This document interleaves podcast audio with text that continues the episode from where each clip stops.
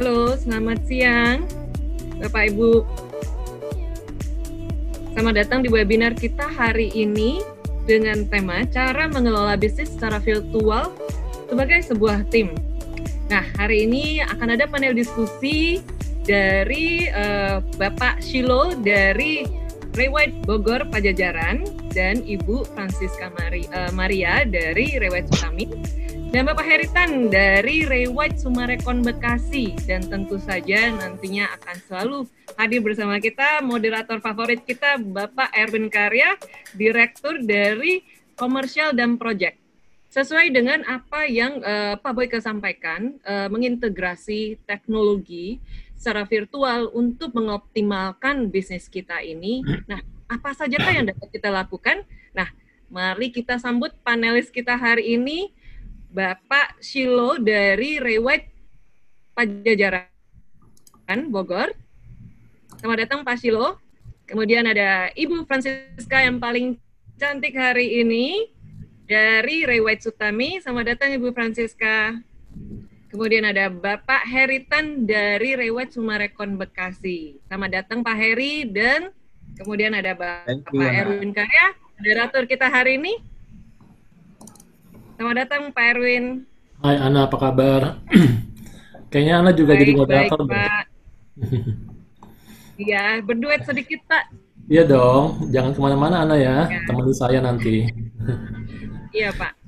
Baik, uh, selamat siang Bapak-Bapak dan Ibu semuanya. Jadi ya, Pak Heritan ketemu lagi Pak di webinar kali ya. ini.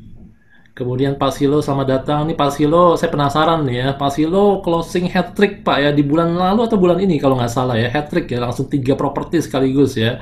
Nanti tolong sharing juga Pak seperti apa ceritanya. Dan Bu Siska juga sama aja nih Bu Siska nih, ada closing-closing terus nih ya. Kalau Pak Haritan mah nggak usah tanya lah, pasti timnya juga banyak ada yang closing primary bahkan saya dengar juga. Nah, saya akan mulai, uh, tapi uh, host mungkin boleh tolong diizinkan saya untuk uh, screen sharing karena sekarang saya tidak bisa screen sharing karena beberapa slide yang harus saya tampilkan. Ya sambil kita menunggu, langsung saja saya mulai pertanyaan pertama nih kepada yang paling jauh dulu ya. Dan ladies first adalah Ibu Siska. Ibu Siska, saya mau tanya, strategi digital apa Bu yang Ibu terapkan, yang sudah Ibu terapkan sekarang ini Bu? Ya, strategi pemasaran secara digital apa yang yang telah Ibu terapkan sekarang ini di uh, tim Anda? Silakan. Uh, terima kasih Pak Erwin Karya uh, strategi marketing uh, untuk uh, kondisi saat ini ya pasti online ya ya portal properti juga medsos dan juga uh, kita hadirkan video dan juga ya seperti yang dibicarakan oleh Pak Boyke sebelumnya uh, itu melalui uh, WhatsApp call atau video call juga kita hadirkan uh, Zoom ya untuk para marketing kita Zoom yeah. meeting setiap seminggu sekali minimal. Ya. Yeah. Nah, kalau kalau ibu tentunya sudah familiar dengan Zoom, tapi pertanyaannya tim ibu sudah familiar bu dengan dengan Zoom. Dan Zoom ini familiar ini kan sebenarnya gampang pakainya ya. Tapi banyak saya perhatikan ya masih banyak orang tuh masih masih gagap, masih maksudnya gini loh. Mereka nggak sadar kadang-kadang sudah tampil di layar gitu. Padahal kan uh, namanya virtual ini kan orang bisa nggak sadar bahwa sudah online nih ternyata gitu ya. Waktu awal-awal mungkin masih gagap ya, tapi saya perhatikan sekarang pun masih ada yang gagap. Nah, di tim ibu berapa persen yang sudah familiar dengan katakanlah Zoom dulu deh? Uh, dengan Zoom paling kita let's say 60% lah ya udah udah oke okay semua dengan Zoom. Jadi begitu ada uh, undangan Zoom di grup ya mereka udah langsung eh, siap-siap uh, gitu ya. Yeah. Dengan laptop dengan handphonenya mereka gitu. Baik. Nah, sebelum saya lanjut, nanti Anda juga tolong bergabung dengan saya. Ada satu beberapa slide saya akan tampilkan, ini menarik sekali ya. Jadi selama masa pandemi, Bapak Ibu, ternyata ada peningkatan penggunaan uh, device seperti handphone, laptop, smart TV dan sebagainya. Tapi mari kita fokus kepada top uh, eh, 4 di atas ya, paling 4 di atas ya. Sorry, uh, eh, 5 di atas lah ya dari tablet, PC, kemudian smart TV, ya laptop dan smartphone. Jadi kalau Bapak Ibu lihat ya penggunaan startup smartphone itu peningkatan waktunya itu adalah hampir 80% untuk wanita, sementara pri, uh, prianya itu adalah sekitar 74%. Artinya dari tadinya orang biasanya pakai hanya katakanlah 3 jam per hari ya smartphone ya, sekarang bisa bisa hampir dua kali lipat tuh ya. Jadi bisa sekitar 5 6 jam per harinya seperti itu. Dan ini tentu adalah sebuah data yang harus kita manfaatkan dan peluang buat kita juga. Jadi artinya orang makin uh, terbiasa dengan gadgetnya. Jadi gadget itu seperti perpanjangan tangan kita saja ya. Tanpa gadget kita kayaknya uh, mati gaya. Betul begitu Pak Heri? Pak ya, kan? Tanpa gadget kita mati gaya Pak. betul betul. Betul ya. Nah kalau gitu. Dari pagi kayaknya udah lihat gadget ya. Nah betul. Peluangnya, ya. Peluangnya di mana Pak buat kantor Bapak? dengan peningkatan penggunaan smartphone, uh, laptop dan sebagainya dan tanpa itu sekarang orang mati gaya ya. Berarti kan ya. peluang buat kita Pak ya. Betul, betul. Nah, peluangnya Bapak uh, terjemahkan di kantor Bapak peluangnya Bapak garapnya seperti apa Pak? Oke, okay, uh, eh, ini sangat penting sekali ya. Uh, saya pernah baca ya, itu menurut uh, Asosiasi Pengguna Jasa Internet Indonesia ya, ABJI, itu pengguna internet kita di 2017 itu sudah 140 juta uh, orang yes. dan mengalami peningkatan 8 sampai 10 persen per tahun. Yeah. Di 2018 itu 150 jutaan dan di 2019 itu hampir 160 juta. Ini kan sebuah market yang sangat besar, Pak Erwin. Betul, betul sekali. Memang uh, digital marketing ini kita pakai bukan bukan untuk direct sales ya, itu yes. bonus lah. Tapi yang paling penting nih buat saya juga saya informasikan ke tim saya bahwa ini untuk membangun brand awareness. Jadi supaya orang-orang tahu bahwa itu Pak, kita ya. hadir gitu. Betul. Betul sekali ya. Dan saya tambahkan sedikit data juga sebelum saya ke Pasilo nanti. Jadi data di sini uh, cukup menarik ya datanya itu mengatakan bahwa selama pandemi ini pemakaian video conference atau video chat ya seperti Zoom, Skype, house party ini lebih ke arah buat ABG lah ya. ABG seperti Ana itu masih ya masih apa wajahnya ABG. ya, nah di sini peningkatannya Bapak Ibu bisa lihat luar biasa di Februari Skype contohnya itu meningkat 500% ya penggunaannya ya. Kalau Zoom sendiri itu meningkatnya juga cukup banyak ya. E, berapa tuh? 200 persen ya peningkatannya dari tadi misalnya Februari ada sekitar katakan dua setengah juta, sekarang di angka 6,2 juta. Nah, jadi orang makin terbiasa dengan video chat, kita tahu, e, dan pertanyaannya seberapa banyak kita menggunakan video chat ini untuk komunikasi dengan klien. Oke, saya ke Pasilo sekarang. Pasilo ada closing berturut-turut tiga properti dengan timnya ya di dalam bulan apa itu Pak? Silakan Pak. Bulan ini ya, bulan Mei ya. Di bulan Mei ya. Boleh cerita ya. sedikit Pak? Customer journey-nya gimana Pak? Dari dari dia misalnya dari dari dari lihat apa kemudian sampai dengan deal itu gimana Pak? Boleh boleh jelaskan singkat Pak? Oke, okay. uh, sebelumnya sih dalam ini kan klien memang ada uh, saya kan kemarin jual tanah ya, karena karena ada bangunannya, tapi kita anggap itu tanah kosong ya, karena tidak ada IMB. Ya. Uh, ini sebenarnya dari pertama kali memang uh, properti ini sudah ditawarkan ke saya gitu ya. Itu ya. harganya masih tinggi. Itu harganya kemarin tiga apa 13 juta per meter. Okay. Cuman pas ada nah ada COVID ini ternyata turunnya reposisi harganya ya cukup jauh sekali ya, sampai 50 persen. Wow. 50% ya.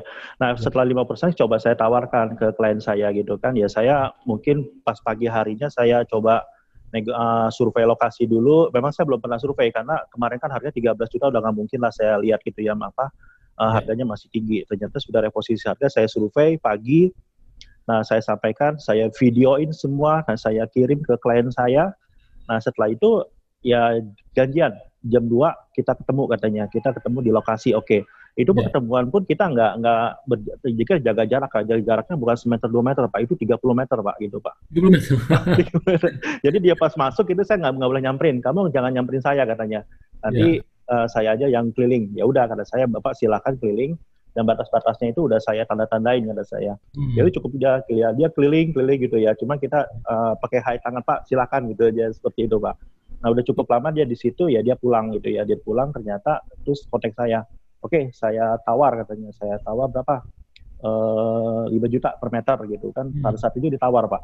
Yeah. Nah setelah ditawar gitu ya udah kata saya ya udah mungkin 5 juta masih ada selisih yang cukup jauh gitu ya pak ya. Kurang lebih ada satu jutaan lebih gitu kan. Ya sudah antepin. Ternyata pembeli saya ini ternyata serius juga gitu ya pak ya. Mungkin hmm. pikir dia harga tanahnya ada cukup murah ya. Akhirnya dia ternyata harganya naik terus Pak. Itu prosesnya kurang lebih nggak lama Pak, cuma nggak sampai seminggu lah proses saya itu. Dan nggak awalnya dari seminggu. dari video yang Bapak kirimkan video, Pak ya? Video, video, ya? video yang saya kirim, yang saya kirimkan. Ada pakai drone atau kan ini tanah Pak? Apa yang divideokan Pak di tanah tersebut? Ya mungkin saya nggak nggak pakai drone ya. Memang uh, saya pakai video uh, HP aja handphone. Ya. Saya videoin di situ aja sekelilingnya, dalamnya gua apa sekitar tanah itu ya mungkin ya. akses ya. jalannya semua saya videokan dan saya langsung kirim ke beliau gitu ya. Ya. Itu ada ketertarikan beliau akhirnya mereka pada saat hari itu juga ya mereka survei ke lokasi. Ya. Itu. Jadi kita tahu bahwa sebagai property agent ya, uh, handphone itu adalah senjata kita ya, senjata utama kita ya.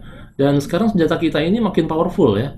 Makin powerful artinya bahkan sekarang handphone ini bisa digunakan seperti ini Bapak Ibu. Ini saya coba sharing, ini mungkin saya minta Pak Heri yang tebak-tebak. Ini apa Pak Heri? Pak Heri tahu nggak ini apa Pak? Bukan siapa Pak ya, ini ini apa Pak ya? Bukan siapa Pak? Pak Heri Tan? Apa nih ya? Fix, uh, maksudnya nama-nama programnya ya? uh, ini ini ya ini apalah gitulah intinya begitu. Bukan siapa pak ya. Kalau siapa jangan tanya saya pak, saya juga kenal pak. ini apa ya gabungan foto pak? Gabungan foto. Nah uh, ini, ini menarik sekali. Saya juga baru tahu pak Heritan. Jadi uh, ada namanya uh, uh, sebuah bisnis baru yang bernama virtual photoshoot ya. Okay. Dan virtual photoshoot ini adalah jadi katakanlah kita ini mau foto uh, untuk diposting atau untuk foto sesuatu yang bagus lah gitu ya. Kalau foto kita pribadi kan kita nggak punya kemampuan untuk itu ya, nggak punya knowledge untuk itu ya. Dan dengan ada virtual photoshoot ini, sekarang kita bisa hire fotografer dengan handphone kita, kita bisa connect katakanlah by Zoom, dan kemudian diarahkan gaya, kemudian diarahkan uh, pencahayaannya dan sebagainya, dan fotografer ini mau foto kita melalui uh, handphone di tangan kita sendiri. Jadi betapa powerfulnya handphone di tangan kita sekarang ini dengan adanya seperti ini aja, ini bisa kita dapat gambar-gambar yang luar biasa seperti yang tadi saya sampaikan di sini ya. Ini kan gambarnya kelihatan profesional, padahal ini ambil dari handphone pak, seperti itu. Dan ini diarahkan dari daripada si apa si fotografernya ya. Nah jadi eh, sekarang saya mau tanya kembali pertanyaan sama tadi dengan Bu Siska, berapa persen pak di tim bapak yang sudah familiar sekali dengan teknologi? Gitu. Katakanlah paling minimal sekarang kayaknya kalau Google, apa kalau video conference adalah WhatsApp call, WhatsApp video call sudah pasti ya Pak ya, betul? Itu itu nggak? Uh, saya Pak ya, sorry. Ya, ya. Ah, kalau untuk apa uh, Zoom uh, meetings gitu sih kayaknya semua udah paham sih Pak. Paham ya? Karena ya saya rutin juga rutin juga untuk uh, adakan tiap minggu ya. benar-benar kepake ya di dua tiga bulan ini, di dua bulan terakhir lah terutama. Ya. Nah, itu kan Bapak ke tim ya, dan bap, uh, timnya juga sudah pakai. Sekarang tim kepada klien, Pak. Sekarang kan tugas kita adalah okay. mengedukasi klien kita, Pak, menggunakan Betul. teknologi ya. Apakah ada effort, Pak, untuk katakanlah tim Bapak mengedukasi klien untuk menggunakan semua teknologi yang digun uh, yang yang yang sekarang ada ini? Iya, ada Pak. Uh, kebetulan memang uh, dipakai banget ya. Uh, waktu itu ada pembeli kita dari Makassar, dan juga dari daerah Lombok itu mereka uh, mengadakan uh, Zoom meeting sendiri dengan penjual pembeli. Cuma memang ya harus saya apa uh, sedikit pandu ya, artinya memberikan tahu mereka apa yang apa yang uh, strategi strategi strateginya seperti apa. Karena kan ini kan penjual pembeli kan langsung kontak ya namanya kan kelihatan ya. Betul. Nah ini mesti kita jaga sih. Betul, betul. Tapi sudah mulai digunakan untuk katakanlah itu lagi apa Pak? Negosiasi atau? Lagi negosiasi Pak ya. Negosiasi sudah pakai Zoom ya Pak ya? Sudah pakai Zoom betul. Kebetulan oh. uh, ada satu pembeli yang uh, pengen beli sebuah gudang, terus pengen nanya agak banyak Pak soal izin. Jadi dia minta dipertemukan sama pemilik, jadi kita pakai Zoom meeting. Waktu itu pertanyaannya sih cukup mendalam sih tentang iya. hal-hal ya. teknis. Kebetulan bisnisnya sama Pak, jadi seperti mau di take over sama bisnisnya juga gitu. Oke. Okay. Ya, jadi Ana ini luar biasa Ana ya. Dengan uh, handphone tangan kita nih kita bisa melakukan jauh lebih banyak hal ya. Uh, mungkin ada Ana ada pertanyaan kepada panelis kita pada siang hari ini, silakan. Uh, ke Pak Heri ya tentang negosiasi lewat Zoom-nya itu Pak. Ya. Uh, itu berapa kali Zoom ya Pak untuk sampai terjadi transaksi atau belum ada transaksi Pak dari negosiasi melalui Zoom ini Pak? Uh, yang satu ada uh, bukan pakai Zoom ya, tapi dia uh, apa namanya video call sih. Itu itu transaksi closing. Uh, kemudian yang apa uh, untuk yang negosiasi itu udah dua kali meeting uh, belum karena baru minggu lalu nih anak. Tapi udah udah semakin inilah harga udah makin deket. Impresif sekali ya Pak, inovasi sekali. Uh, saya dengar uh, mengenai negosiasi lewat Zoom ini Pak. Tapi uh, kalau boleh tahu Pak, bagaimana seperti Pak Erwin bilang, uh, mengeduk awalnya marketing Bapak mengedukasi kliennya untuk meyakinkan supaya kita lakukan ini lewat Zoom atau lewat video call, yeah. tidak hanya lewat telepon, tidak hanya lewat WhatsApp teks seperti Pak Boyke bilang kan, kalau kita dengan WhatsApp teks itu kita tidak bisa tahu intonasi nuansa yang kita dapat apa. Tapi kalau lewat telepon atau video call kita bisa baca raut muka seseorang, kemudian intonasi bicaranya. Nah, itu bagaimana sih caranya tim uh, Pak Heri melakukan itu terhadap klien supaya mau, Pak? Ya, uh, ini sih sebenarnya inisiatif dari beberapa marketing saya uh, sendiri ya. Mungkin karena uh, kondisi PSBB kan ya, uh, dan kebetulan punya pembeli juga dari jauh. Jadi pas sekarang lagi ngetrend Zoom nih, karena kita juga aktif pakai, jadi mereka juga inisiatif, ah ini coba aja deh di Zoom. Paling mereka biasanya WhatsApp saya, Pak, ini yeah. gimana ya langkah-langkahnya ya. Nah paling saya ya kasih tahu lah supaya untuk saling jaga kan yeah. dalam arti misalnya takutnya kan mereka jadi saling kenal. Ini memang ada kelemahannya tapi kita bisa bisa apa bisa blok di depan sih. Yes. Baik. Uh, oke. Okay. uh, Bu Siska setuju Bu Siska setuju bahwa kita juga harus mengeduk, mulai mengedukasi klien kita uh, untuk memakai segala teknologi yang ada sekarang ini? Uh, setuju Pak. Jadi kalau misalnya uh, memang kalau yang namanya bisnis properti uh, kita uh, sulit ya untuk uh, mereka nggak langsung ke lokasi. Jadi uh, tapi ini nggak menutup kemungkinan karena memang kita juga ada pembeli dari Ambon juga tanpa melihat properti kita hanya kirim video dan kita terus WhatsApp call dan juga uh, video call juga dan lain-lain ya. Jadi uh, transaksi itu semuanya uh, terjadi tanpa ketemu dengan klien dan tanpa melihat properti, Pak. Iya. Ada deal Bu dari situ? Ada. Ada Jadi, deal. Wow. Ada. Oke, luar biasa ya, menarik ya. Tapi tadi eh, Bu Siska sempat sampaikan uh, agak kalau sekarang ini tidak melihat propertinya ya. Nah, saya mau tampilkan satu satu slide ya. Ini kita balik kepada pelajaran biologi sangat dasar. Mungkin saya tanya kepada semua panelis ya, Pak Heri, Bu Siska, dan Pak Silo. Dari panca indera manusia kita tahu kan ada penglihatan, sentuhan ya, praba ya, praba penglihatan, pendengaran, penciuman, pencap. Menurut Bapak Ibu, semua saya tahu penting ya, semua penting sekali. Tapi ada satu hal yang yang sangat penting, indera yang paling penting. Menurut semua pakar juga mengatakan begitu. Apa menurut Bu Siska? Indra indra kita yang paling penting penglihatan. Penglihatan. Pak Heri? Dia penglihatan nih. Penglihatan. Kalau Pak Silo? Insight ya.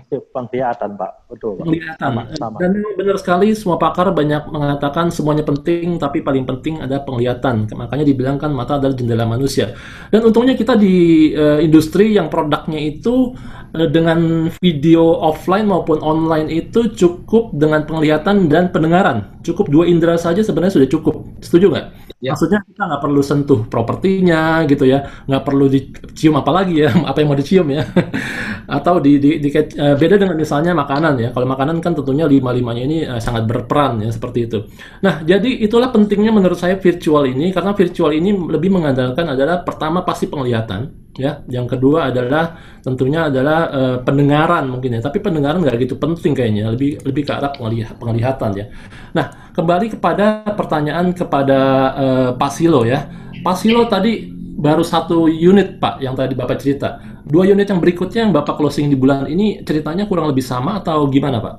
Kurang lebih sih sama ya Pak ya. Sebenarnya memang ada dua unit lagi tapi nggak terlalu ini ya Pak ya. Ada lagi yang sebenarnya yang dua ini memang agak unik Pak secara ceritanya ya Pak ya. ya. Itu sebenarnya dari betul ya uh, yang saya alami jadi pihak pembeli eh, pembeli ini tidak pernah ketemu dengan pihak penjual Pak. Iya. Tidak pernah demikian dan mereka tuh minta diwakilkan sama saya. Wow, oke. Okay. Ya, jadi negosiasi dia tidak pernah ketemu sekalipun tidak tidak pernah ketemu dengan pihak penjual. Yang minta wakil. Iya, negosiasi semua iya diwakil diwakilkan sama saya dan juga untuk mereka untuk ini Pak untuk tanda tangan tanda tangan transaksi pun pembeli tidak datang Pak pembeli tidak datang wow dan dia di, dikuasakan ke saya juga Pak Uh, itu pembeli sudah kenal lama atau baru ketemu Pak? Sudah kenal lama udah pasti Pak. Oh, oke okay, sudah kenal lama iya. ya.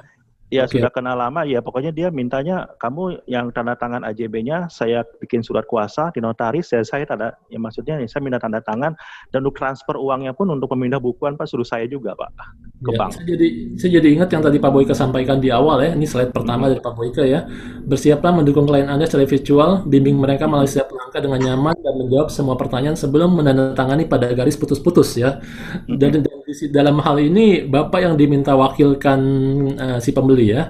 betul, itu. betul. Karena pembeli pun tidak pernah ketemu dari awal sampai akhir nggak pernah ketemu penjual. Tapi awalnya Bapak mulai dari promosinya dari video juga atau gimana Pak? Video juga Pak. Video juga, baik. Iya, video juga. Nah, sekarang saya mau masuk satu slide lagi dan ini uh, kepada pertanyaan berikutnya nanti Ana boleh bergabung silakan Ana ya. Uh, jadi saya coba analisa Bapak Ibu ya bahwa dengan adanya new normal ini dan virtual ini uh, virtual ini kalau kita bisa bagi adalah online ada offline juga offline itu seperti contohnya tadi video Bu Aldila ya atau video tadi Pak Sentosali itu adalah offline ya tidak perlu online setiap saat cukup dikirimkan videonya atau yang pasti lo tadi lakukan juga itu bisa dilakukan atau yang kedua tadi Pak Heri lakukan, Bu Siska juga lakukan adalah online seperti ini ya. Nah, boleh nggak eh, cerita sedikit dari Pak Heritan boleh? Ya. Kira-kira Pak, kira-kira Pak dari dua media ini Pak, online dan offline Pak, mana yang menurut Bapak yang yang yang lebih powerful Pak buat tim Bapak? Oke, untuk yang lebih powerful sebenarnya eh, paling 55% online ya, offline juga masih masih masih ini ya, masih sangat dibutuhkan ya Pak Erwin. Ya. Eh, tapi online ini memang eh, tadi saya sebutkan data ya, ini memang mau nggak mau kita harus tahu juga karena kita ini uh, apa namanya uh, harus ikutin yang customer suka nih, bukan yeah. yang kita suka.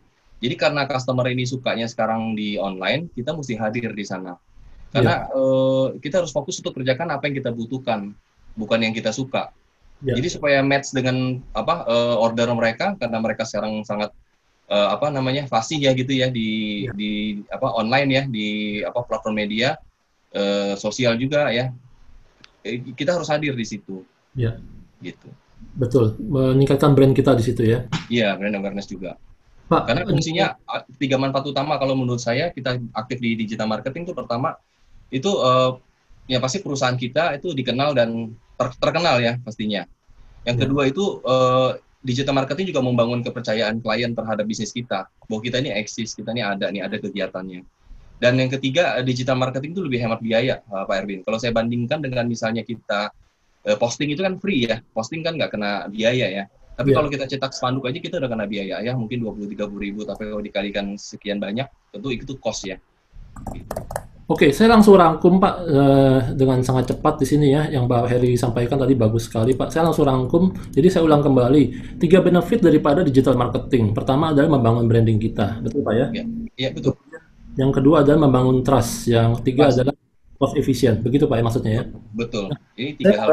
Mau bahas tentang tentang building trust Pak. Tadi Bapak bilang online ya. Online itu kan apakah dengan online tersebut uh, trustnya terbangun Pak? Maksudnya gini loh. Kita tahu bahwa bisnis kita ini kan butuh untuk kita ketemu ya butuh kita uh, membangun trustnya itu dengan uh, kehadiran fisik kita gitu ya. Iya, iya. Apakah apakah sebelum pandemi ini terjadi kita ketemu secara fisik dengan sekarang ketemu secara virtual itu uh, ada perbedaannya nggak sih Pak dalam hal trust daripada si customer itu? Oke, memang uh, tetap ya yang paling bagus tuh memang uh, ketemu langsung ya. Yes. Ya, tapi tadi caranya Pasilo sangat luar biasa itu keren banget sih itu uh, menurut saya ya uh, itu bagian dari engagement yang nggak bisa dibentuk dalam semalam sebulan atau setahun itu pasti butuh waktu lama. Yes. Tapi yang paling penting kita harus tahu kita nggak pernah bisa beli engagement pak. Yang bisa kita lakukan itu membangun engagement. Nah engagement yes. di sini berhubungan dengan sosial media yang saya terapkan itu poin-poin pentingnya itu kita kan bisa isi news di situ ya tentang properti bahwa kita nih istilahnya mengikuti lah perkembangan properti. Terus yeah. kemudian di situ juga saya bisa masukin update-update listing, hot listing, yeah. ya kemudian juga tips-tips properti karena ini di bidang kita kan. Terus misalnya mungkin uh, ada penghargaan atau misalnya ada activity kayak open house, kayak ada transaksi di notaris itu kita masukin juga pak. Nah yeah. ini yang uh, memang kita harapkan akhirnya membangun kepercayaan dari klien. Wah ini agentnya benar nih. hmm. activity-nya kita bisa lihat itu di sosial medianya misalnya. Yes. Jadi yang Bapak bangun adalah digital presence ya. Betul. Kehadiran secara digital ya, seperti itu ya. ya. Oke, saya melihat wajah Ana kayak Ana udah penasaran mau bertanya sesuatu. Silakan Ana. Terima kasih Pak Erwin. Uh, kalau saya boleh bertanya sedikit uh, kepada Pak Erwin sebelum saya bertanya ke Bapak Ibu yang hari ini, uh, menurut Pak Erwin tentang uh, virtual secara online dan offline itu, apakah online itu dalam pemikiran saya itu seperti kayak kita melakukan live di Instagram, seperti yes. itu nggak Pak? Betul. Nah, Jadi, mungkin pertanyaan saya akan lebih spesifik ke Pak Silo, Pak Heri, dan Bu Francisca. Apakah sudah dilakukan uh, pemasaran secara virtual online? Sebagai contoh, uh, uh, apakah Anda tertarik untuk melihat uh, listing of the week kami akan live di hari ini jam segini di mana live itu saya akan bawa kameranya uh, handphonenya menunjukkan nah ini adalah kamar mandinya dan ini pada saat live itu si klien ini calon bayar atau siapa pun yang menyaksikan bisa menanyakan secara langsung bagaimana dengan ininya bisa nggak tolong uh, ketuk uh, pintunya pintunya kelihatan solid atau tidak atau apa nah apakah bapak ibu di sini sudah melakukan hal itu boleh dimulai dengan Pak Silo dulu. Uh, untuk saat ini sih saya belum ya Bu ya. Nanti akan saya coba seperti itu. Boleh Pak, boleh Pak. Kalau Pak Heri dan Bu Siska bagaimana? Bu Siska silakan. kalau Instagram Live itu uh, saya belum melakukannya ya, cuman kalau uh, online yang lain kayak uh, video di Insta Instagram gitu-gitu udah Ya. Mungkin Pak Heri mungkin Ayo Pak Heri nggak ya. boleh kabur lagi. kalau live sih memang belum ya, cuman uh, uh, untuk marketing saya sendiri kalau mereka ada survei suka bikin Insta story. Uh, biasanya uh, saya udah sering minta sama mereka ya. Jadi kalau bikin Insta story tolong di apa tag ke kantor. Jadi di kantor di apa medsos kantor pun saya tayangin. Lumayan sih teman-teman uh, semua kalau satu hari survei ada tiga marketing aja kita udah punya tiga post dan itu bertahan satu hari. Yang penting tim sih kompak ya, saling support ya. Karena kalau perusahaan besar kan juga membawa kesejahteraan buat semua. Jadi saya tekanin terus. Jadi kita kayak kerja sama tim. Nah biasanya memang problemnya sama yang acuh tak acuh nih, ini yang harus kita agak sedikit effort gitu. Tapi kalau menurut Bapak Ibu, apakah uh, yang saya sampaikan tadi seperti Instagram Live atau Facebook Live dengan untuk waktu kita showing, Uh, itu applicable nggak Pak, Bu? Eh, mungkin kalau saya boleh jawab, uh, bagus banget itu idenya ya. Cuman uh, itu uh, kita harus undang dulu ya. Saran saya sih harus ada undangan dulu untuk uh, jamnya, harinya ya, biar mereka uh, bisa uh, apa ada respon gitu. Betul betul betul. Ya mungkin dari Pak Swilo. Ya, ya mungkin ya betul kata Ibu Maria Hari ini ya. ada moderator tambahan, Ibu Francisca bergabung. Ya mungkin kalau misalnya kita ada permintaan dari pihak klien ya untuk dia showing sesalap ya saya tidak tidak ada masalah juga gitu kan seperti itu. Tapi untuk saat ini sih ya memang saya belum lakukan tapi saya akan coba gitu ya coba lakukan sesalah itu di Instagram. Gitu. Hmm, gitu aja sih. Kalau Pak Heri, bagaimana Pak? Ya kalau untuk di medsos kantor sih memang belum ya, tapi private sih yang saya tahu marketing ada yang melakukan. Jadi lewat itu. video call ya Pak ya? Video call ya. Tapi kalau dengan live, kalau menurut saya kita akan uh, meraih lebih banyak yang menyaksikan pada saat kita showing. Istilahnya kalau kita mancing masih pakai satu pancingan, kita dapat satu ikan. Tapi kalau dengan live itu istilah kita pakai jaring, benar nggak Pak? Mungkin yang melihat lebih dari dua, lebih dari tiga, bisa sepuluh. Tapi dari sepuluh itu pasti ada kemungkinan ada yang tertarik. Yeah. Itu sih uh, hanya salah satu ide sih Pak. Uh, kalau menurut Bapak Ibu applicable, uh, mungkin kita bisa coba ya dengan Bapak Ibu yang di kantor lain juga. Oke, saya kembalikan ke Pak Erwin. Ya, jadi Bu Aldila juga komen ya, applicable ya, mesti dicoba menurut Bu Aldila ya. Dan ini Anda maksudnya adalah Uh, karena setiap hari kalau saya buka Instagram saya atau ada notifikasi, kan saya uh, turn on ya notifikasi Instagram saya.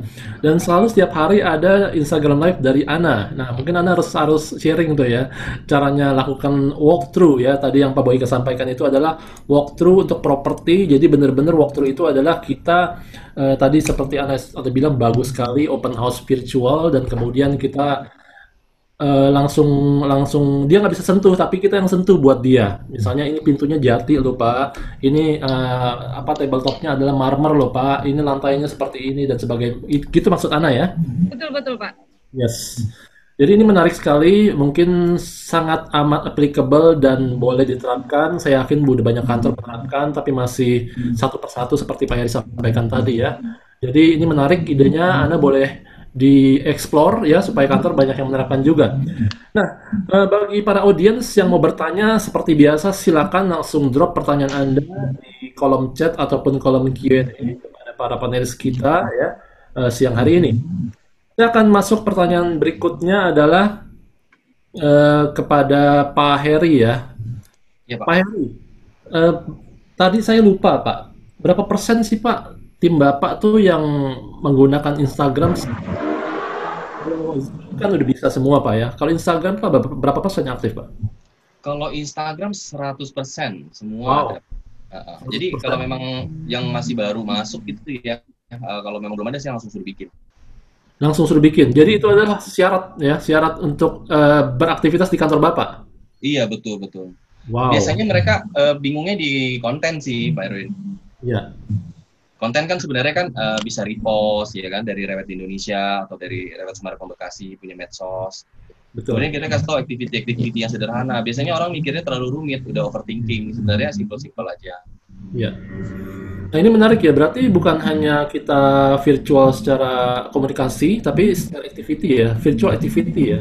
Iya. Yang mungkin dilakukan di Instagram. Yes. Oke, okay, good. Kalau Bu Siska gimana? Instagram, Berapa persen? Uh, udah hampir 100 persen, Pak. Jadi karena uh, kita uh, wajibkan mereka untuk aktif di Instagram, Mensos, uh, dan juga kita memang kan di kantor ada tim desain, tim IT, dan uh, admin online juga. Jadi uh, jadi marketing juga bisa langsung uh, sambil belajar, sambil running gitu ya. Uh, yeah. Dan konten-kontennya pun uh, kita bimbing semua gitu supaya okay. mereka aktif. Jadi ada training khusus untuk uh, sosial media, Bu, begitu? Betul, Pak. Oke. Okay. Yang training dari admin atau dari Ibu sendiri? Uh, kita ada staff IT, ada juga admin online. Jadi uh, dari pihak uh, apa mereka yang untuk edukasi para ibu-ibu terutama ya, ibu-ibu kadang-kadang yes. gaptek. hmm, okay, okay. Iya. Ya, jadi uh, memang memang kita tahu bahwa sekarang dengan adanya new normal ini ya uh, beberapa hal yang virtual yang sudah dilakukan banyak sekali komunitas kita adalah tentunya ibadah virtual ya semua sudah biasa seperti ini. Kemudian uh, pengobatan ya sekarang dengan adanya berbagai macam aplikasi uh, ada namanya sekarang telemedicine ya booming ya bisa booming luar biasa. Dan untuk sekolah ada online schooling online course online learning ya.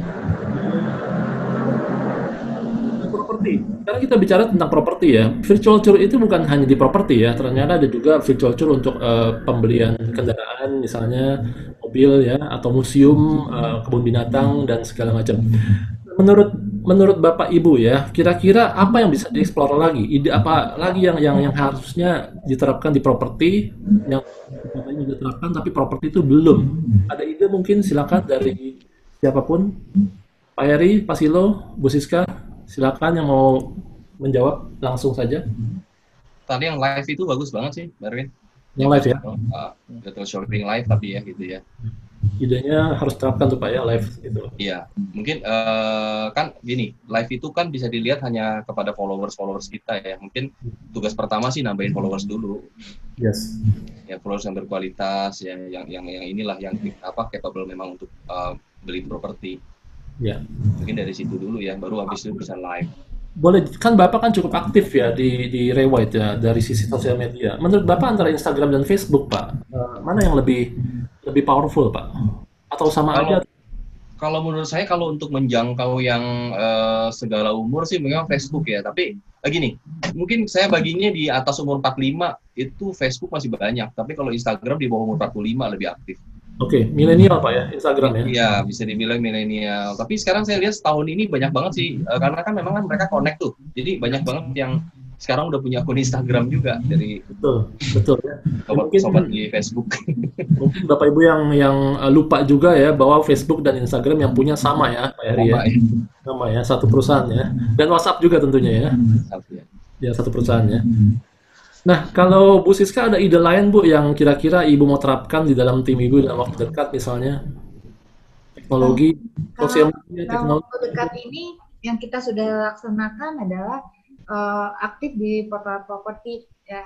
Jadi uh, selain dari medsos tetap uh, portal properti dan juga uh, sebisa mungkin klien-klien itu uh, kita edukasi terutama vendor ya untuk bisa tetap pasang yang namanya spanduk juga ya jadi karena memang uh, sekarang kalau yang di Bandung ini biarpun PSBB tapi tetap aja pasti ada yang telepon ya dari spanduk gitu. Jadi uh, tetap ada peminatnya. Jadi uh, untuk semua hal ya kita maksimalkan lah. Gitu. Baik.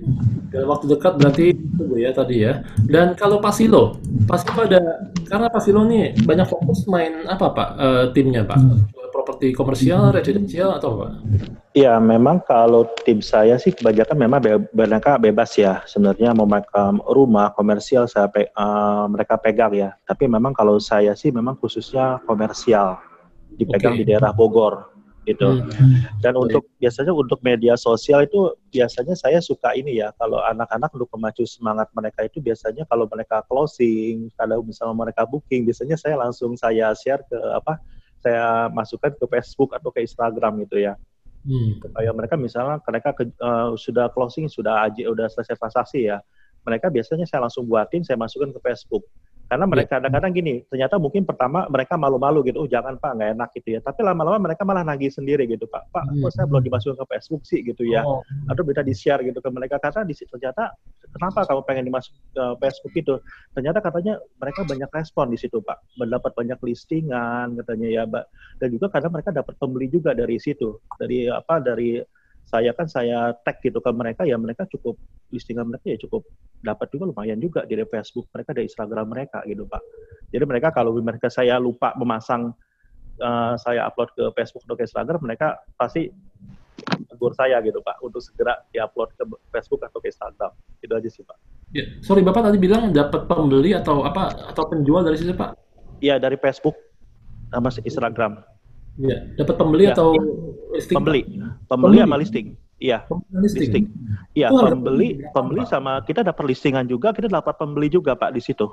Oke, harga properti berapa tuh, Pak? Ada ada ada range-nya nggak, Pak? Ada range ya, Pak. Mungkin kalau di Facebook ya, kalau mereka bermain di antara itu um, 1 sampai 2 miliar ya, Pak ya. Oke. Okay. 1 sampai 2 miliar kan kalau Facebook itu ya, Pak ya. Tapi kalau mereka ada lebih itu sih biasanya mereka ada pasar khusus sih Pak sebenarnya. Iya. Gitu. Ya pokoknya kalau apply kalau di bawah satu miliar ya lebih oke okay sih Pak. Mereka lebih lebih banyak sih kalau di daerah khususnya di daerah Bogor ya Pak ya. Gitu. Yes. Baik. Nah, baik uh, Ana, jadi luar biasa ya diskusi kita ini tentang digital presence dari kantor-kantor kita, tim kita ya, dan itu sangat penting sekali. Ana, mungkin ada pertanyaan bagi para panelis kita, silakan. Uh, saya pengen sharing sedikit terkait apa yang Pak Shilo katakan. Uh, ada transaksi dan pembelian uh, melalui Facebook ya Pak, hanya uh, melihat dari postingan Bapak ya Pak ya? Iya, Anda melihat dari postingan postingan anak-anak marketing biasanya ya mereka ya memang kalau saya tuh kalau posting itu jarang listingan memang jarang saya upload ke Facebook atau ke Instagram ya tapi biasanya para marketing marketing dari saya gitu mereka diupload ya hmm. marketing-marketing. Ya, listingan mereka biasanya diupload ke Facebook atau ke Instagram. Nah, ini sangat menarik sekali uh, karena uh, saya baru-baru ini saya bertemu dengan teman saya yang juga developer uh, sudah terbiasa membangun banyak townhouse di daerah selatan. Harga rumahnya berkisar mulai dari tujuh setengah miliar sampai dengan 15 miliar. Terus kemudian saya sempat bertanya kepada teman saya ini, uh, si developer ini, saya bilang uh, dari uh, beberapa uh, townhouse yang dia bangun kompleks-kompleksnya itu uh, dari semua penjualan paling banyak penjualan lewat mana? Dan dia mengatakan lewat saya, uh, meng mengatakan ke saya penjualan paling banyak adalah lewat online dari Facebook dan Instagram. Tapi apakah kamu memasarkan lewat agent broker juga? Oh ya tentu saja.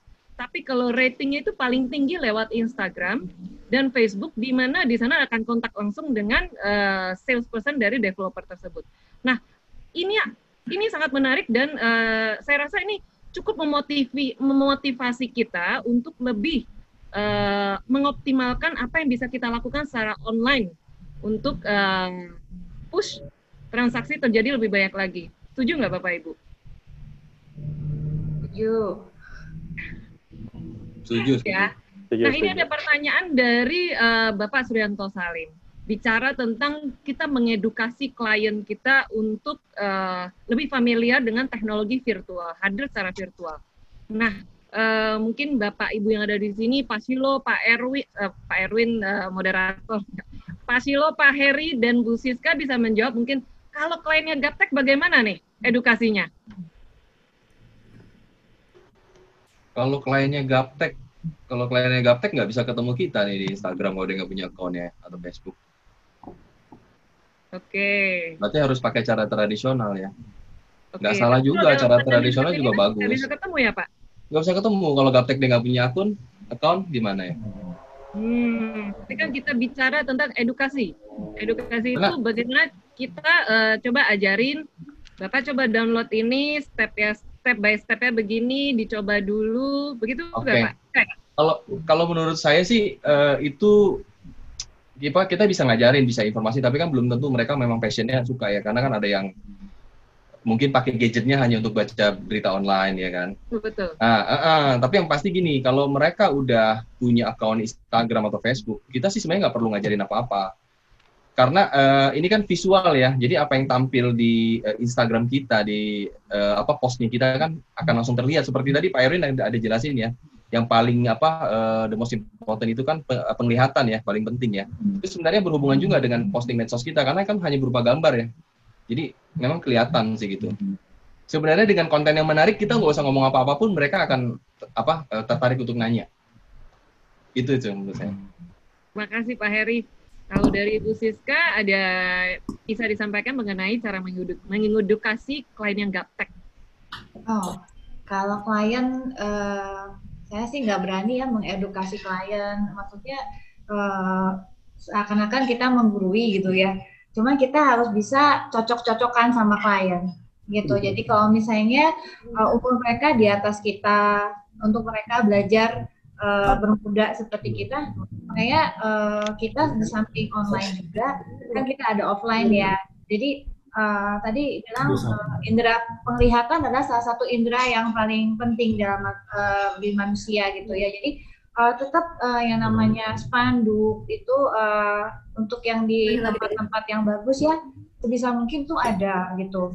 Terus juga uh, apa ya aerosign gitu-gitu ya. Maksudnya adalah untuk mereka bisa telepon kita gitu. Nanti kalau misalnya kayak video call gitu uh, atau uh, nanti kita ajak ya social distancing, showing gitu ya, tetap sambil mungkin nanti anaknya datang, nanti kita ngomong uh, kita ada Instagram ini ini gitu ya. Jadi uh, untuk yang apa? Ya untuk yang gaptek kita harus bisa tetap uh, melayani mereka, mereka masuk ke uh, pemikirannya mereka biar mereka nyaman. Begitu nanti kita bisa uh, step by step untuk bisa gitu ya tetap dengan cara klasik ya Bu ya, sama iya, seperti Pak Erik katakan. Iya, Dan, jadi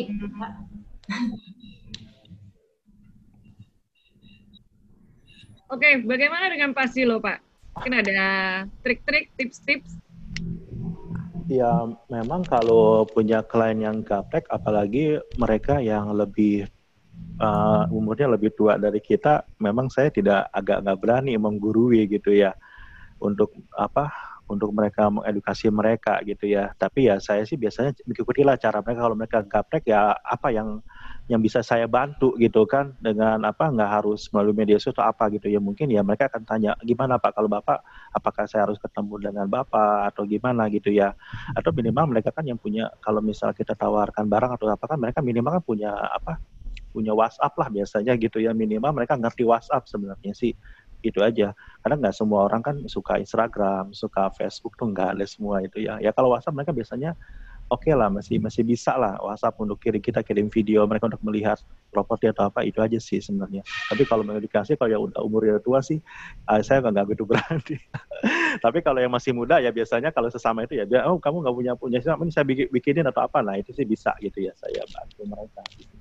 Oke terima kasih Pak Silo Pak Heri Bu Siska saya kembalikan ke Bapak Erwin Ya, mungkin pertanyaan berikutnya nih, tadi saya lupa tanya ke Pak Heritan ya. Kalau kita tadi kan bicara seakan-akan adalah uh, properti secondary Pak Heri ya. Kalau primary itu gimana Pak? Seharusnya kan developer lebih support dari sisi tools-nya ya.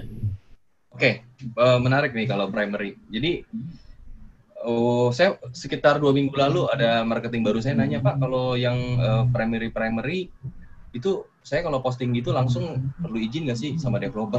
Saya bilang nggak perlu, justru mereka senang kalau kamu posting karena kan itu kan membantu mempromosikan juga produk mereka. Apalagi kamu juga bisa jadi jualan kan. Jadi sebenarnya ini win all win lah Pak, Pak Erwin. Betul. Betul. Gitu. Cuman ya saya pesan juga jangan nanti iklannya developer itu tuh terus. Jadi seakan-akan kamu bukannya yeah. di Rewet Sumarekon Bekasi tapi di developer C jadinya gitu. ya, betul betul. Toolsnya dari developer lebih lengkap ya pak ya seharusnya ya. Lebih lengkap karena kan mereka kan memang sediain ya kayak misalnya e-katalog gitu-gitu ya PDF itu tinggal diedit-edit aja sih. Betul. Biasanya juga di medsos mereka sekarang udah aktif ya. Kayak developer ABC lah gitu ya. Jadi dia pasti udah ada itu sebenarnya tinggal kita repost aja caption sama hashtagnya kita contoh aja. Paling kasih di bawahnya misalnya nama marketing, nama kantor sama nomor HP Iya. Nah, maksud saya adalah sebenarnya kita juga bisa mengadopsi apa yang uh, apa yang developer punya gitu ya. Contohnya, yeah. contohnya adalah misalnya drone. Drone itu kan sekarang makin kalau nggak salah makin murah pak ya harganya ya. Yeah. Di bawah 10 juta udah dapat yang agak lumayan bagus gitu ya. Dan drone itu buat pas itu jualan tanah komersial itu sangat powerful seharusnya. Sangat bagus. Tadi, tadi yang Bu Adila videonya bagus sekali ya. Dan uh, kalau nggak salah ya begitu Bu Adila posting video tersebut di PC Group, seingat saya ada tiga top agent minimal yang saya tahu langsung ajak bayarnya survei ke properti tersebut. Ya, jadi itulah powerfulnya daripada tools yang uh, kita punya sekarang ini. Yang tadi saya bilang ya, virtual itu ada online, ada maupun ada uh, offline. Jadi kalau sebenarnya Ana ya, Ana kalau misalnya ditanya online dan offline mana lebih powerful? Jawaban Airi tepat sekali, dua-duanya powerful. Ya, dua-duanya uh, fungsinya berbeda gitu ya. Kalau online lebih online lebih ke arah seperti Anda bilang, sementara offline itu yang uh, Bu Adil lakukan. Jadi bisa disebar berulang-ulang. Orang nggak perlu melihat lagi ya. Baik, uh, mungkin ada pertanyaan dari Pak Aditya Wiasa, ya. Jadi di sini pertanyaannya boleh bantu bacakan, Anda silakan. Boleh Pak. Uh, IG Live di Cinere itu kan belum jalan karena belum seker, sekeren selebgram yang punya loyal followers, yang followersnya banyak ya. Tapi pasti akan kita usahakan minimal berguna dengan view rekan-rekan. Nah pertanyaannya dan usul, jika punya aplikasi ini, dan ini adalah subjek untuk diskus juga. Dengan punya aplikasi khusus minimal akan saling tahu mendapat notifikasi baik notifikasi listing baru ataupun notifikasi open house virtual. Jadi maksudnya Pak Aditya ini adalah aplikasi ya Pak ya? Aplikasi khusus ya Pak? Ya mungkin maksudnya adalah terkoneksi ya. Kalau sekarang kan eh, Pak Eri juga bisa jelaskan mungkin ya. Dengan dengan adanya Instagram kan semua kantor sudah terkoneksi sebenarnya Pak Eri ya. Ya.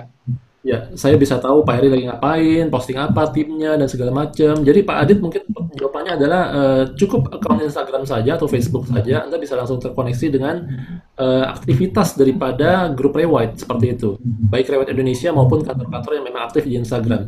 Nah mungkin ini sekedar himbauan, Anda boleh menghimbau kepada kantor-kantor yang belum punya Instagram, silakan Anda dihimbau. Himbau untuk memiliki Instagram ya. Zaman kayak gini Pak Heri ntar ini loh ketawain loh. Masa belum punya akun Instagram katanya ya.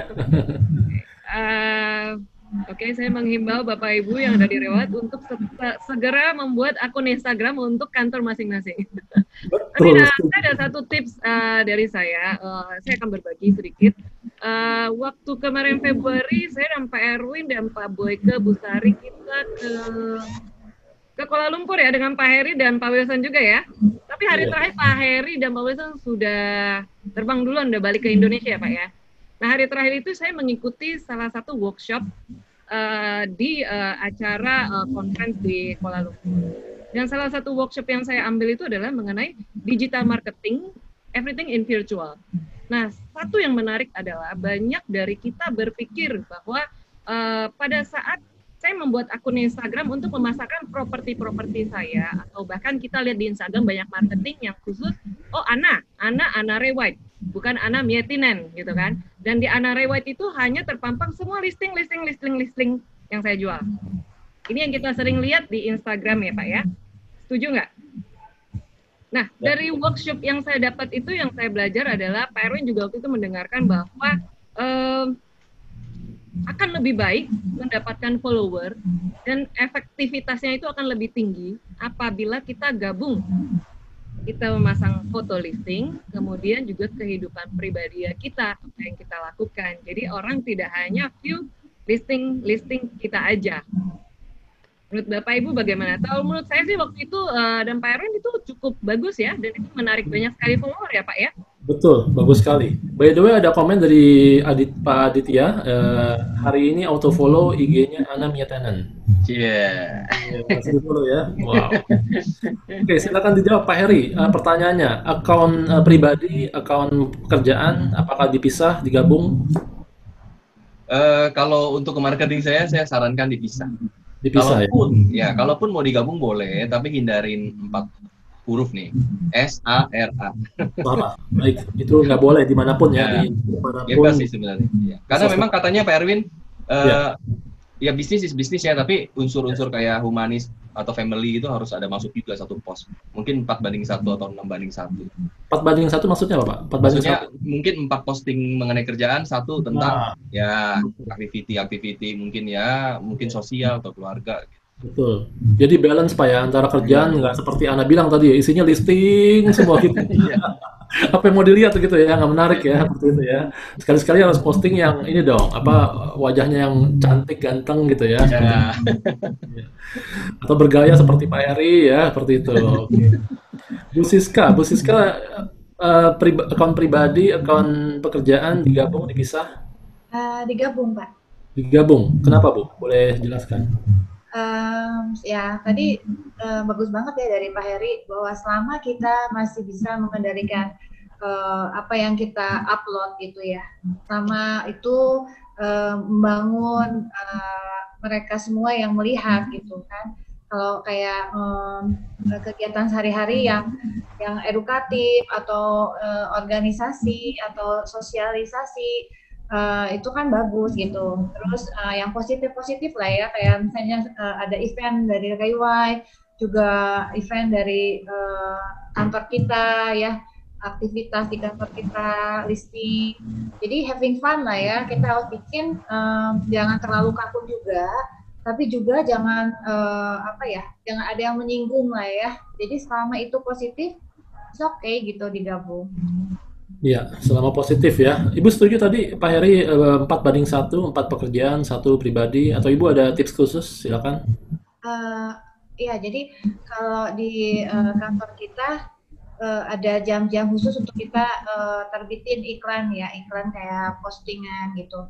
Dan udahnya kita boleh santai kayak gitu-gitu ya. Jadi ada yang tuh orang-orang kayaknya pada suka yang kuliner ya atau ngebahas eh, apa yang ada having fun-nya juga ada seriusnya gitu kan. Jadi ada ada jam-jamnya, ada hari-harinya. Jadi eh, ya apa jadi semua yang follower kita terbiasa untuk eh, tahu kapan nih ada ada berita bagus dari kita. Hmm, oke. Good. Kalau Pak Silo gimana Pak? Antara account pribadi atau pekerjaan digabung atau dipisah? Eh, saya sih digabung, Pak Erwin. Gabung. Ada alasan tertentu? Um, ya mungkin kalau account digabung itu mungkin biasa saya pakai account lama lama saya gitu ya. Jadi udah banyak followernya gitu Pak. Oke, masuk akal. Nggak usah harus itu lagi Pak. Betul betul. Nggak Dari perlu nol lagi. ya. Jadi sudah ada ya followernya. Sudah Pak. Seperti itu. Uh, ada tips Pak uh, yang posting antara apa? Antara uh, pekerjaan dan pribadi Pak. Ada rasionya? Ya mungkin kita sama ya dengan apa dengan Pak Heri sama Bu Maria ya. Jadi kita posting ya posting listing terus juga kita posting posting adalah keberhasilan kantor gitu ya. Nah itu sih Pak yang yang saya sering suka posting keberhasilan kantor anak-anak jualan kita posting juga gitu ya. Jadi mereka biasanya ada kebanggaan tersendiri sih buat mereka itu aja sih Pak. Success story ya Pak ya di sharing ya, juga success di story, success story gitu Pak. Yes, baik baik. Oke, jadi pekerjaan, kemudian uh, apa kehidupan pribadi kita ya dan success hmm. story harus di share. Nah, saya masuk ke pertanyaan terakhir mungkin dari audiens ada dari Pak Rian ya. Bagaimana cara Bapak Ibu menggerakkan tim Bapak Ibu untuk go digital? Ini sepertinya untuk tim yang belum uh, belum 100% ya, seperti Pak Heri ya. Kalau Bu Siska tadi kan berapa 100% juga Bu ya? Iya. Jadi okay. uh, eh, untuk menggerakkan mereka ya pasti kita uh, one by one ya. Jadi saya biasanya untuk uh, untuk ibu-ibu ya saya bilang, aduh ini belum diaktifkan nih. Uh, coba kalau saya belum paham nanti hubungin uh, staff kita gitu ya. Jadi kadang-kadang uh, ada yang uh, marketing yang malu ya, malu bertanya sesat di jalan. Jadi marketing kita ada yang nanti kalau uh, pasif sekali jadi lama-lama ketinggalan gitu kan jadi kita pengennya semua hati-hati bareng-bareng gitu hmm oke okay. sama ibu tadi juga wajibkan membuka account ya iya betul bu diwajibkan di awal ibu ya sebelum masuk pas masuk di awal ya ah betul pak baik oke okay. jadi saya akan summary Pak Heritan boleh Pak sharing Pak Tadi yang Pak Kokorayan ya? Iya, betul. Go digital, Pak. Gimana caranya? Oke, supaya timnya ya, gini sih, uh, Koko Ryan, uh, ini kan kita kan leaders leader ya, leadership. Jadi lead your ship. Ini kita harus menggerakkan menyetir kapal kita nih. Cara paling mudah adalah lead by example aja sih. Jadi kita memang harus apa memberikan contoh, Pak Erwin. Mungkin ya. itu tips dari saya ya. Kalau kita aktif, uh, tim kita pasti akan melihat itu hal positif dan juga ikut. Apalagi ada testimoni testimoni testimoni keberhasilan dari teman-teman kantor gitu ya. Sangat membantu. Jadi lead by example dan kemudian uh, lead by example ya. Dan kemudian juga membuat ini sepertinya ya kultur digital, begitu Pak? Iya, Ya, kultur digital. Bangun kultur digital di kantor Bapak ya, karena 100% yang menggunakannya. Ya. Baik. Dan masalah training Pak, boleh di, di, di apa di sedikit lagi Pak training Pak training kepada marketing yang uh, masih melek tidak melek digital, gimana tuh Pak? Oh oke, okay. kalau yang uh, masih ada sih Pak Erwin kayak misalnya repost mereka nggak ngerti, anytime ah. sih tinggal ketemu di kantor gitu ya. Saya suruh mereka ke kantor karena saya perlu apa eh, ketemu. Kalau cuma WhatsApp doang paling tutorial doang kan agak sulit. Sebenarnya eh, teman-teman semua para prinsipal kalau memang eh, pengen belajar tuh di YouTube ada semua kok. Hmm. tinggal aja ketik misalnya kita mau tahu repost how, bagaimana cara repost. Semua jelas banyak banget youtuber yang memberikan apa knowledge ya. Yeah. sharing knowledge-nya ah, bisa kita contoh. Apa pun itulah. Betul sekali. Tentang, banyak copywriting about anything ada di situ. Betul, semua berlimpah informasi berlimpah sekali ya di mana pun yeah. kita semuanya yeah. ada. Oke, okay. yang belum jawab sepertinya Pak Silo ya. Pak Silo ada strategi Pak khusus? Ya mungkin kalau digital tuh marketing saya baru 9 baru 90 persen ya, belum 100 persen ya Pak ya. Karena kebanyakan kan ada yang mereka yang agak sudah ada berumur biasanya mereka nggak mau tuh buka-buka apa buat account-account itu ya digital itu ya Facebook atau apa gitu ya mungkin harus nanti suatu saat akan edukasi mereka sih Pak untuk segera mereka bikin account itu sih Pak. Baik. Oke, kalau boleh saya summary ya dari yang Bapak Ibu sharing ini adalah seperti ini kurang lebih. Jadi cara mendorong tim untuk go digital ya, karena digital ini sangat penting ya. Wajibkan membawa account sosmed, sosmed ya, membuka account sosmed di awal waktu baru, baru bergabung atau yang mungkin sudah bergabung tapi belum punya diwajibkan. Kemudian kalau Pak Heri tadi sharing lead by example, betul Pak Heri ya? Dan ya. membangun dan kemudian juga membangun kultur digital ya. Jadi bukan hanya leadernya saja tapi timnya juga didorong untuk memakai uh, semua hal yang berbau digital. Dan tentunya Bu Siska tadi juga sharing training pemakaian aplikasi digital di awal-awal bergabung. Uh, baik Ana ada pertanyaan lain sebelum kita mungkin uh, tutup karena sudah ada pertanyaan dari audiens Ana ada lagi? Cukup Pak dari saya Baik, eh, terakhir saya tutup dengan ini bahwa are you ready to go virtual ya? Karena dengan kondisi seperti ini dan ini sepertinya tidak akan kembali ke normal ya dalam waktu dekat dan kita akan tetap seperti ini belum tahu sampai kapan. Jadi mau tidak mau virtual adalah jawabannya. Kita beradaptasi dengan situasi seperti ini. Dan virtual experience is the next big thing ya. Dan Bapak Ibu harus benar-benar bisa adaptasi dengan hal ini. Jadi eh, terima kasih sekali Pak Heritan, Ibu Siska Thank you, Pak Erwin. Pak Silo sharingnya kepada kita semua. Saya sendiri banyak belajar Ana ya. Ana juga banyak belajar kelihatannya ya. ya baik untuk selanjutnya saya kembalikan kepada Ana. Terima kasih.